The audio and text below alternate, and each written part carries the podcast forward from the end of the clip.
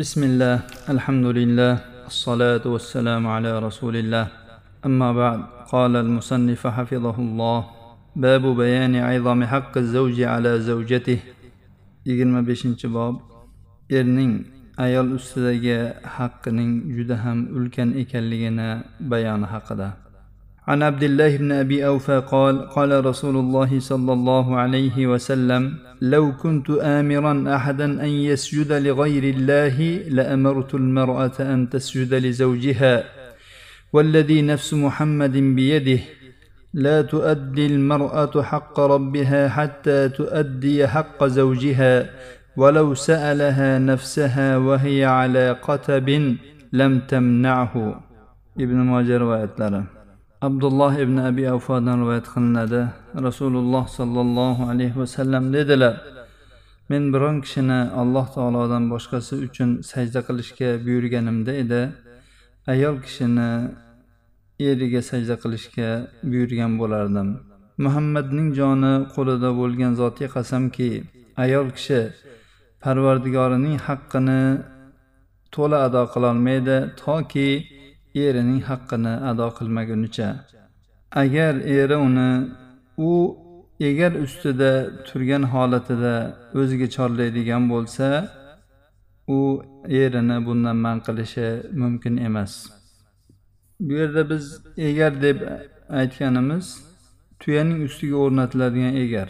Ho'p endi bu hadisni sharhiga o'tadigan bo'lsak avvalambor bu hadisda sajda qilish haqida keldi. Alloh subhanahu va taolo payg'ambarimiz muhammad sollallohu alayhi vasallam orqali yuborgan islom shariatida sajda qilish biron insonga mumkin emas. Balki bu yolg'iz olloh uchun qilinadigan ibodatdir. Alloh taolodan boshqasiga sajda qiluvchini islom dinidan chiqarib yuboradigan katta shirkdir. Buni musulmonlarning hammasi biladilar. Buni nafaqat ya'ni musulmonlar balki butun tilsiz jonzotlar ham bilishadi. Hudhud saba malikasi va uning qavmi quyoshga sajda qilayotganlarini ko'rgan paytda sulaymon alayhissalomning oldiga bu ajib xabarni yetkazib keldi. Hudhudning so'zini qur'oni karimda alloh taolo keltirgan. Hudhud aytyaptiki men bu malikani va uning qavmini alloh taoloni qo'yib quyoshga sajda qilayotganlarini topdim. Shayton ularga bu ishlarini ziynatlab ko'rsatib qo'yibdi va ularni to'g'ri yo'ldan to'sib qo'yibdi. Ular to'g'ri yo'lga yo'llana olmayotgan ekanlar dedi. Avvalgi qavmlarda salomlashish uchun sajda qilish joiz bo'lgan shariatimizda esa bu salomlashish uchun bo'ladimi? Boshqa narsa uchun bo'ladimi? Alloh taolodan boshqasiga sajda qilish ham ruku qilish ham mumkin emasdir. Egilish xorlanish bo'yinni egish bo'lsin belni egish bo'lsin peshonani yerga qo'yish bo'lsin qo'llarni ko'krakka qo'yib turish bo'lsin bularning hammasi birovning oldida xorlanish o'zini hokisor tutish bo'lganligi uchun bu harakatlarning hammasi alloh taolodan boshqasiga qilinmaydi. Shuning uchun mazkur harakatlarning hammasi namozda bordir namozda mujassam bo'lgan. Shuning uchun bizning yurtlarimizda avval goh viloyatlarga cheklangan bo'lsada keyingi paytda yoyilib ketgan kelin salom degan narsalar haromdir. Chunki bunda alloh taolodan boshqasiga egilish bordir. Kimki agar menga kelinim egilmadi deydigan bo'lsa go'yoki u o'zini alloh taologa teng qilgan bo'ladi. Payg'ambarimiz sollallohu alayhi vasallam musulmonlarga erning xotini ustidagi haqqining juda ham ulkanligini bayon qilib berishlikni xohlagan paytlarida bu narsaga misol qilib sajdani keltirdilar. Aslida bu hadisning aytilishining bir qissasi bor. Bu qissa quyidagichadir. Moz roziyallohu anhu shomga safar qildilar. Safar qilib qaytganlaridan keyin nabiy sollallohu alayhi vasallamning huzurlariga kelgan paytda u zotning oyoqlari ostiga yiqilib sajda qildi. Shunda rasululloh sollallohu alayhi vasallam aytdilarki ey muoz bu nimasi dedilar. Muoz aytdilarki men shomga borsam ular o'zlarining yepiskoplariga mana shu kabi sajda qilishar ekan. Men ham buni sizga ham shunday qilsak bo'larkan degan narsani ko'nglimga tugib qo'ydimda mana kelib sizga sajda qildim dedi. Shunda rasululloh sollallohu alayhi vasallam aytdilarki bunday qilmanglar. Men agar biron kishini alloh taolodan boshqaga sajda qilishga buyurganimda edi ayol kishini eriga sajda qilishga buyurgan bo'lardim. Muhammadning joni qo'lida bo'lgan zotga qasamki ayol kishi robbining haqqini to erining haqqini ado qilmaguncha to'la ado etolmaydi. Agar eri uni egar ustida turgan holatda o'ziga chorlaydigan bo'lsa erini bundan man qilmasin. Rasululloh sollallohu alayhi vasallam muozga yo bunday qilmang bunday qilish joiz emas yoki shunga o'xshagan so'zlarni aytib qo'ysalar ham bo'lardi. Lekin u zot sollallohu alayhi vasallam eng mohir muallim bo'lgan zot mana shu fursatdan foydalandilar. Va bu fursatdan foydalanib erning haqqini juda ham bir baliq bir iboralar bilan bayon qilib qo'ydilar. Demak rasululloh sollallohu alayhi vasallam juda ham erning haqqi katta ekanligini juda ham buyuk ekanligini bayon qilish uchun buni sajda bilan misol qilib keltirdilar. Agar ya'ni birovni birovga sajda qilishga buyurganda ayol erga sajda qilishga buyurardim dedilar. Maqsad ayol kishi ya'ni eng qattiq hurmat qilishi lozim bo'lgan eng qattiq ulug'lashi lozim bo'lgan odam bu uning eri ekan. Uni ya'ni juda ham bir safar holatida yoki bir boshqa bir holat ya'ni egarni ustida turgan bir markabga minib turgan holatda chaqirishligida javob berishligini aytishlari ham e, erning haqqini ulug'ligiga dalolat qiladi. Buni tafsiloti quyida keladi inshaalloh. Erning ayol ustidagi haqqi juda ham buyuk bo'lgani sababli ayol bu haqlarni to'la to'kis beparvolik qilmasdan kamchilik qilmasdan o'tash lozim bo'ladi. Balki bu ayol modomiki erining haqqini o'tamayotgan ekan alloh taoloning haqqini hech ham o'tolmaydi u har qancha yaxshilik qilsin har qancha ibodat qilsin agar erining haqqini o'tamayotgan bo'lsa uning ibodatlari e, unga unchalik foyda bermaydi.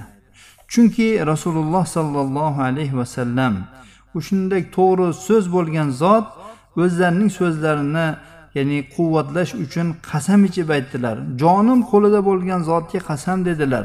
Muhammadning joni qo'lida bo'lgan zotga qasam deb turib qasam ichib aytdilar. Ya'ni qasam ichib turib erning haqqini ulug'ligini ta'kidladilar. Qasamdan tashqari hadisning davomida aytdilarki agar ayol egar ustida bo'ladigan bo'lsa va eri uni o'ziga chorlasa ya'ni o'ziga chorlashligi er ayolidan xohlaydigan ishga ya'ni jinsiy aloqaga chorlaydigan bo'lsa. Shu holatda ham ayol kishi yo'q demasligi kerak. U zot agar ayol kishi egar ustida bo'lsa dedilar. Buni uch xil tushunish mumkin. Birinchisi bu ayol kishi masalan safar qilayotgan bo'lishi mumkin. Tuyaga minib safarga chiqib ketyapti. Shu holatda agar talab qiladigan bo'lsa u tezda egaridan tushib ijobat qilish kerak bo'ladi. Ikkinchisi tushmasdan ana shu holatda bo'lsa ham ijobat qilish kerak bo'ladi. Uchinchisi qadim zamonlarda arablarda agar ayol kishi homilador bo'ladigan bo'lsa va ko'zi yorish payti yaqinlashgan bo'lsa ular tuyaning egarini yerga o'rnatib ana shuning ustida turib ko'zi yorardi. Bu ya'ni ko'z yorish uchun ancha qulay holat bo'lgan. Uchinchi holat ya'ni bu ayol ko'z yorish payti shunday holatda egar ustiga minib o'tiribdi. Shunday holatda bo'lsa ham agar eri chorlaydigan bo'lsa javob berish kerak. Uni tezda hojatini qondirish kerak degan ma'no bo'lishi mumkin. Demak bu ta'kidlar erning ayoli ustidagi haqqining juda ham katta ekanligiga ta'kiddir. Bundan boshqa ham bir nechta hadislarda ayolning ustidagi erining haqqi bo'lib ham shu to'shak haqqi juda ham ulug'ligi. Buni qanday holatda bo'lmasin chorlanadigan bo'lsa javob berishligiga dalolat qiladigan hadislar kelgan. Ana shulardan biri rasululloh sollallohu alayhi vasallam aytdilarki agar er ayolini o'z hojati uchun chaqiradigan bo'lsa u ayol tandirini ustida bo'lsa ham kelsin. Bu degani non yopib turgan bo'lsa bu kechiktiriladigan ish emas nonni yopib qo'ygan bo'lishi mumkin. U e, kuyib ketishi mumkin boshqa bo'lishi mumkin. Shunday holatda ham ya'ni bu kechiktirib bo'lmaydigan ish non yopish. Ya'ni uni o'tini o'chirib qo'yib boshqa qilib turiladigan emas. Tandirni ustida turibdi degani bu masalan nonni yopyapti yoki yopib bo'lgan endi uni qizartiryapti. Shunday holatda bo'lsa ham kelsin. Bu nimaga dalolat? Bu erning haqqini ulug'ligiga dalolat. Ya'ni ayol kishi masalan uyda ovqat tayyorlayotgan bo'lsa yo boshqa bir qaysidir uy ishini qilayotgan bo'lsa agar eri talab qiladigan bo'lsa bunga albatta ijobat qilish kerak bo'ladi. Bundan boshqa ham juda ham ko'p mana shu e, holatlarni bayon qiladigan ya'ni hadislar rasululloh sollallohu alayhi vasallamdan ko'p vorid bo'lgan. Erning mana shu haqqi uchun yoki umuman erning haqqi uchun ayol kishi qilishi lozim bo'lgan holatlar. Shulardan birinchisi ayol kishi agar eri uyda bo'ladigan bo'lsa ya'ni safarda bo'lmaydigan bo'lsa hozir bo'ladigan bo'lsa uning iznisiz nafr ro'za tutishi mumkin emas. Rasululloh sollallohu alayhi vasallam aytdilarki ayol kishi er hozir bo'lib turganda faqat uning izni bilangina ro'za tutadi. Bu eri hozir bo'lib turgan ayolning uning izni bilangina ya'ni nafr ro'za tutishga dalolat qilmoqda. Boshqa bir rivoyatda kelganki ayol kishiga er hozir bo'lib turgan holatda faqat uning izni bilangina ro'za tutishi halol bo'ladi. Aks holda harom deyilgan. Demak bu farz e, ro'za emas nafr ro'za haqida edi. Agar endi farz ro'za bo'ladigan bo'lsa bunda erning ruxsati bo'lishi shart emas. Ibn hajar aytadilarki bu hadis ayolning ustidagi erining haqqi. Ayol yaxshi ishlar bilan mashg'ul bo'lishdan ko'ra ham ta'kidlanganroq ekanligiga dalolat qilmoqda. Chunki erning haqqi farzdir ya'ni vojibdir. Vojibni bajarish nafl ishlarni qilishdan muqaddam qilinadi. Rasululloh sollallohu alayhi vasallam ro'zani izn so'rash bilan xosladilar.